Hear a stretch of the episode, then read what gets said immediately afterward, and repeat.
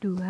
Gadis Cyborg Hari ini, idol laptop berambut abu-abu perak itu telah berada di gedung stasiun MTV, tempat ia melakukan syuting Renkozu dramanya kali ini. Begitu sampai di studio 1, sutradara Seino dan para kru langsung menyambut penuh semangat. Hai Ichi, bagaimana cerita drama Boku Tachi no Unmei ini menurutmu? Sutradara Seino bertanya dengan nada menggebu-gebu. Sebaliknya, Ichi malah menjawab pertanyaan itu casual. Bagus. Kisah percintaannya manis dan ringan. Sikap dinginmu benar-benar bawaan dari lahir ya. Sutradara Seino tertawa kencang. Meski memiliki wajah sangar dengan kumis plus cambang, serta kacamata hitam yang selalu dipakainya ke mana pun, tapi nada suara yang ramah dan sikapnya yang santai bisa membuat orang-orang nyaman berada di sampingnya. Ichi melayangkan pandangannya ke seluruh sudut ruangan. Artis utamanya sudah datang. Maksudmu kanon? Ya sudah ada di Gakuya ini pertama kalinya kalian bekerja sama kan? Ichi menganggukkan kepala. Aku belum pernah bertemu dengannya. Tanpa disangka-sangka, sutradara Seino langsung terkikik setelah mendengar jawabannya. Kalau begitu, lebih baik kamu berkenalan dulu dengan Kanon. Tukasnya penuh semangat. Chemistry kalian berdua sebagai Osama Najimi yang hari yang akhirnya menjadi sepasang kekasih harus sudah terbangun mulai detik ini. Ichi menganggukkan kepala sekali lagi. Aku akan ke Gakuya sekarang, ucapnya datar. Tepat saat bergegas pergi, ia masih sempat melihat sutradara Seino melambaikan tangan disertai senyum penuh arti sehingga tanpa sadar membuat Ichi sedikit mengerutkan kening. Sesampainya di Gakuya yang didominasi warna putih dengan beberapa kursi dan satu meja panjang yang diletakkan di tengah-tengah, Ichi langsung saja melihat seorang gadis sedang duduk di salah satu kursinya. Gadis itu tak menyadari kedatangannya dan tetap menundukkan kepala terlihat serius menulis di atas meja. Setelah Ichi menutup pintu, gadis itu tiba-tiba menghentikan kesibukannya. Pelan-pelan, ia mengangkat kepala, menatap mata Ichi yang berwarna abu-abu. Suasana yang semenjak tadi dalam keadaan hening, sekarang semakin mencekam. Sebab keduanya hanya bertatapan mata tanpa bicara sepatah kata pun. Dan setelah beberapa detik berlalu, akhirnya gadis itu berdiri dari kursi dengan gerakan lambat dan ekspresi yang begitu kosong. Selamat pagi, Kak Asal Kak Ichi. Namaku Hinagisawa Kanon. Ucapnya disertai intonasi lambat seperti orang yang baru saja bangun tidur terlihat sebagai manusia yang sama sekali tak memiliki tenaga ataupun energi. Ichi menahan diri untuk tidak merasa terkejut melihat gadis bersama kan bernama Kanon ini. Kesan pertamanya benar-benar aneh. Mungkin tidak berlebihan kalau laki-laki itu menganggapnya seperti sebuah robot yang kebetulan hidup berbeda dari Ichi yang dingin dan tenang. Kanon kelihatan lebih seperti tidak memiliki ekspresi wajah, kosong, hampa, tanpa emosi. Diperhatikannya gadis ini masih memakai seragam agak kuen. Ichi langsung mengetahui bahwa Kanon pasti bukan berasal dari kelas A seperti Hyugo, Mini, ataupun dirinya. Karena ditelisik dari seragam, kelas A memiliki perbedaan cukup mencolok dibanding kelas B sampai E. Sebuah pin berlambang A kelas yang merupakan aksesoris khusus bagi para siswa kelas khusus tersebut selalu disematkan di lengan seragam mereka. Dan kanon tidak memiliki itu. Tapi tak bisa dipungkiri, gadis ini memiliki wajah yang sangat manis ia mempunyai mata berwarna coklat muda, bahkan nyaris keemasan. Bertinggi 162 cm. Cukup tinggi untuk ukuran anak perempuan. Rambut hitam lurus bahunya terlihat begitu cocok dengan bentuk wajah kanon. Membuatnya terlihat semakin manis. Tanpa mempedulikan Ichi yang masih berdiri terpaku di depannya, Kanon kembali duduk sambil mengunyah Poki yang senantiasa menemaninya di mana pun. Tak, tak, tak. Suasana sunyi senyap.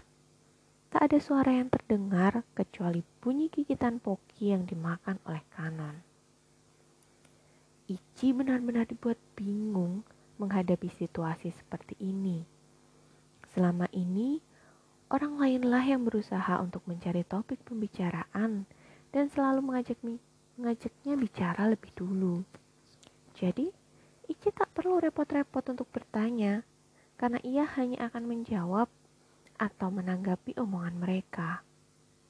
Namun sekarang, posisinya ternyata berbeda. Gadis di depannya ini sama sekali tidak peduli. Bahkan setelah perkenalan yang sangat singkat tersebut, ia kembali sibuk menulis sambil mengunyah makanannya seorang diri. Setelah berpikir beberapa saat, Ichi akhirnya memilih untuk duduk di depan gadis itu. Mengingat kembali perintah sutradara Seino tadi, bagaimanapun juga, ia harus bisa menjalin hubungan baik dengan kanon demi kelancaran dorama Bakutachi no Unmi. Meski kenyataannya, laki-laki itu sama sekali tak menyangka bahwa ia harus mendapatkan lawan main yang sepertinya merupakan keturunan cyborg ini. Hinagisawa. Untuk pertama kali Ichi memanggil namanya. Gadis itu langsung balik menatapnya. Aku tidak suka dipanggil dengan nama keluarga. Kakak juga begitu kan? tanya Kanon. Intonasinya tetap sama, lambat dan datar. Ichi sekali lagi harus dikagetkan oleh ucapan gadis itu. Dilihat dari segi mana pun, ia jauh lebih senior daripada Kanon. Namun gadis itu sepertinya tidak menganggapnya demikian. Ia sama sekali tak berbahasa basi dengan Ichi, meski ini adalah pertemuan pertama mereka. Mau tak mau, Ichi jadi sedikit bingung menghadapi sikap kanon yang menurutnya berbeda dari kebanyakan orang. Iya, aku lebih suka dipanggil dengan nama kecil. Ichi berkata datar. Di luar lingkungan sekolah, kamu bisa memanggilku Ichi saja. Kanon mengangguk sekali. Lagi-lagi gerakannya seperti orang yang tidak memiliki niat hidup. Hanya dalam kurun waktu tak lebih dari 10 menit, sepertinya Ichi sudah bisa merasakan keanehannya yang mencolok dari gadis itu. Bila setiap orang membutuhkan waktu satu detik untuk berdiri, Kanon sepertinya membutuhkan waktu lima detik. Ketika berbicara, ia membutuhkan waktu dua kali lebih lama dari orang biasa. Bahkan bila orang normal bisa makan 10 batang poki dalam waktu 5 menit, ia mungkin bisa baru selesai mengunyah satu batang. Intonasinya saat berbicara pun tidak pernah meninggi atau menurun, tetap datar seperti garis lurus. Ichi sungguh heran. Ia seolah-olah bisa merasakan gadis ini memiliki dunianya sendiri atmosfer yang ada di sekitar kanon terasa begitu berbeda. Ichi, Kanon memanggilnya. Laki-laki itu langsung tersentak. Meski Ichi memang menyuruh gadis tersebut untuk langsung memanggil nama, namun tidak disangka, hanya dalam pertemuan pertama, Kanon sanggup memanggil namanya tanpa embel-embel apa pun. Bahkan sama sekali tidak merasa kikuk, meski Ichi adalah seniornya yang dua tahun lebih tua. Ada apa? Tanya Ichi setelah mengatasi rasa terkejutnya. Makanan apa yang kamu suka? Hah? Ichi sama sekali tidak menyangka obrolan mereka sekarang malah menuju ke arah yang sama sekali tak jelas. Tapi meski begitu, ia tetap bersedia menjawab. Yukisoba. Hmm, Kanon hanya menganggukkan kepala sekali, lalu kembali sibuk menulis di atas kertas-kertas yang ada di mejanya. Suasana kembali hening. Ichi pun tanpa sadar menghela napas panjang. Ini benar-benar di luar dugaan. Menjalin hubungan baik dengan lawan main yang biasanya dapat dengan mudah ia lakukan, ternyata terlihat begitu sulit sekarang. Kanon. Pertama kalinya ia memanggil nama gadis itu. Dan tiba-tiba saja sebuah perasaan aneh menyerangnya. Ya, selain Mini, ini adalah kali kedua ia memanggil nama seorang gadis tanpa nama keluarga. Ia jadi tidak bisa menghindari rasa canggung itu. Kalau kamu, apa makanan yang kamu suka? Seperti biasa, Kanan begitu lama untuk menjawab. Ia hanya memandang Ichi sekilas, lalu kembali menulis.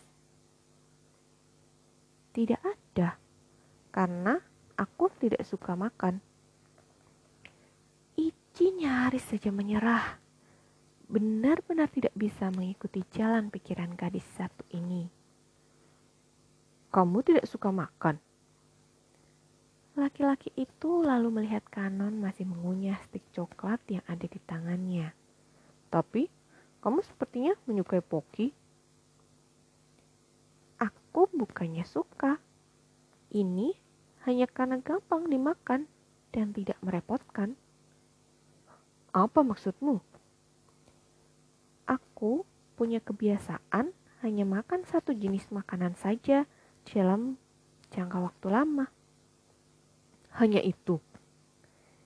Ichi mengarutkan kening tak habis pikir. Jadi, kamu tidak makan nasi atau makanan berat lainnya? Kanan menggeleng dalam ekspresi wajah yang nyaris tak pernah berubah. Makanan berat itu merepotkan, tidak praktis. Harus di meja makan dan tidak bisa dibawa ke mana-mana. Ia lalu membuka tas di sampingnya, mengambil satu kotak poki baru. Ichi pun sontak memicingkan mata, tanpa sengaja melihat tas pink yang cukup besar itu penuh dengan kotak-kotak makanan ringan. Mungkin lebih dari 20 buah. Selama ini, kamu hanya makan itu seumur hidupmu. Tidak juga. Tahun lalu, selama setahun aku makan tongarikon. Aku baru makan poki sejak tahun ini. Sebagai seorang perempuan, ia benar-benar aneh. Ichi berbicara dalam hati, tapi cepat-cepat ia menggeleng meralat ucapannya sendiri. Bukan hanya sebagai perempuan, bahkan sebagai seorang manusia pun ia pasti masuk kategori tidak normal. Permisi, Asaoka Hinagisawa, seorang perempuan yang merupakan asisten sutradara atau sering disebut asisten director memasuki ruangan. Ini ponsel yang akan kalian gunakan untuk drama kali ini. Kita akan mulai scene 1 10 menit lagi ya. Ia lalu menyerahkan dua buah ponsel berwarna biru kepada Ichi dan Kanon. Kedua ponsel itu memiliki bentuk yang sama persis dengan tali gantungan berbentuk bulan sabit. Asauka yang berperan sebagai Yukihiro dan Hinagisawa yang berperan sebagai Manami adalah sahabat sewaktu kecil. Keduanya berpisah ketika berumur tujuh tahun. Lalu 10 tahun kemudian mereka bertemu lagi. Di sini kalian sama-sama masih menyimpan kantungan bulan sabit yang kalian beli bersama sewaktu kecil. Secara kebetulan, kalian juga memiliki ponsel dengan warna yang sama. Suasana si Adi semakin terdengar bersemangat. Singkatnya, takdir yang mempertemukan kembali Yukihiro dan Manami adalah dua ponsel yang tanpa sengaja tertukar. Setelah menyadari hal tersebut, akhirnya kalian memutuskan bertemu. Tapi, bahkan sebelum Yukihiro bertemu dengan pemilik ponsel yang tertukar itu, ia sudah mengetahui jelas bahwa pemiliknya adalah Minami. Sebaliknya, Manami sama sekali tidak menyadari apa pun sampai Yukihiro sendiri yang mengatakannya. Jadi, Asaoka, sawah, Tolong sampaikan pada penonton sebuah pertemuan manis yang mengharukan ya. Setelah selesai menjelaskan, adik itu secepat kilat keluar dari ruangan. Sepertinya cukup sibuk mengurus berbagai hal lain untuk drama ini. Ruangan kembali hening. Ichi dan Kanon sama-sama memandang ponsel di tangan mereka dalam diam. Kanon terlebih dulu membuka-buka ponsel tersebut. Lalu dengan gerakan yang sangat lambat, ia menatap Ichi. Mengapa Yukihiro bisa tahu lebih dulu bahwa pemilik ponsel ini pasti Manami? Tanyanya datar. Bahkan boleh dibilang seperti tidak niat bertanya. Padahal Manami tidak menyadari apa pun. Ichi memandangnya sekilas. Baru saja sadar akan sebuah kenyataan yang sempat ia lupakan. Gadis ini mungkin seperti robot, tapi bagaimanapun juga, ia tetaplah seorang artis. Karena petunjuknya cuma ponsel yang tertukar. Jadi kurasa mungkin karena gantungan bulan sabit ini, waktu kecil Yukihiro yang membelinya untuk Manami. Jadi, ia pasti lebih mengetahuinya. Begitu ya? Kanon kembali terdiam dan sibuk dengan kegiatan menulisnya. Namun mendadak saja gerakan tangan gadis itu berhenti. Ia mengerjapkan mata beberapa kali, seolah-olah baru menyadari sesuatu. Kanon tiba-tiba berdiri dari kursi. Aku harus pergi, serunya. Dengan wajah kosong, ia ber langsung beranjak sambil membawa ponsel yang digunakan untuk syuting drama kali ini. Aku titip barang-barangku. Tuh, tunggu dulu. Ichi sontak menyekal belah tangan kanon yang baru-buru ia lepaskan lagi. Maaf, Aku akan kembali saat latihan nanti. Kanon memandang Ichi sekilas, lalu keluar dari ruangan tersebut tanpa menoleh lagi. Ternyata benar, semua hal yang dilakukan gadis itu sungguh aneh. Bahkan untuk berjalan satu langkah saja, ia seperti orang yang tidak memiliki cukup nutrisi. Ichi benar-benar dibuat bingung terhadap tingkah laku gadis itu. Namun, ia tidak mau membuang waktu untuk repot-repot mengurus masalah yang jelas sama sekali bukan urusannya. Kalau gadis itu terlambat datang saat latihan nanti, bagaimanapun juga itu memang salahnya sendiri. Akhirnya, Ichi hanya bisa menghela nafas dan memutuskan untuk kembali duduk di tempat semula. Tidak sengaja, Mata Ici melihat buku di atas meja yang ternyata itu adalah sebuah naskah drama milik Kanon. Ia lantas membolak-balik naskah tersebut tanpa pikir panjang. Apa-apaan ini? Ici tak bisa lagi menutupi rasa terkejut sekaligus heran saat melihat coretan-coretan kecil di sana. Padahal sejak tadi, ia pikir Kanon sibuk menandai atau mempelajari naskah drama tersebut.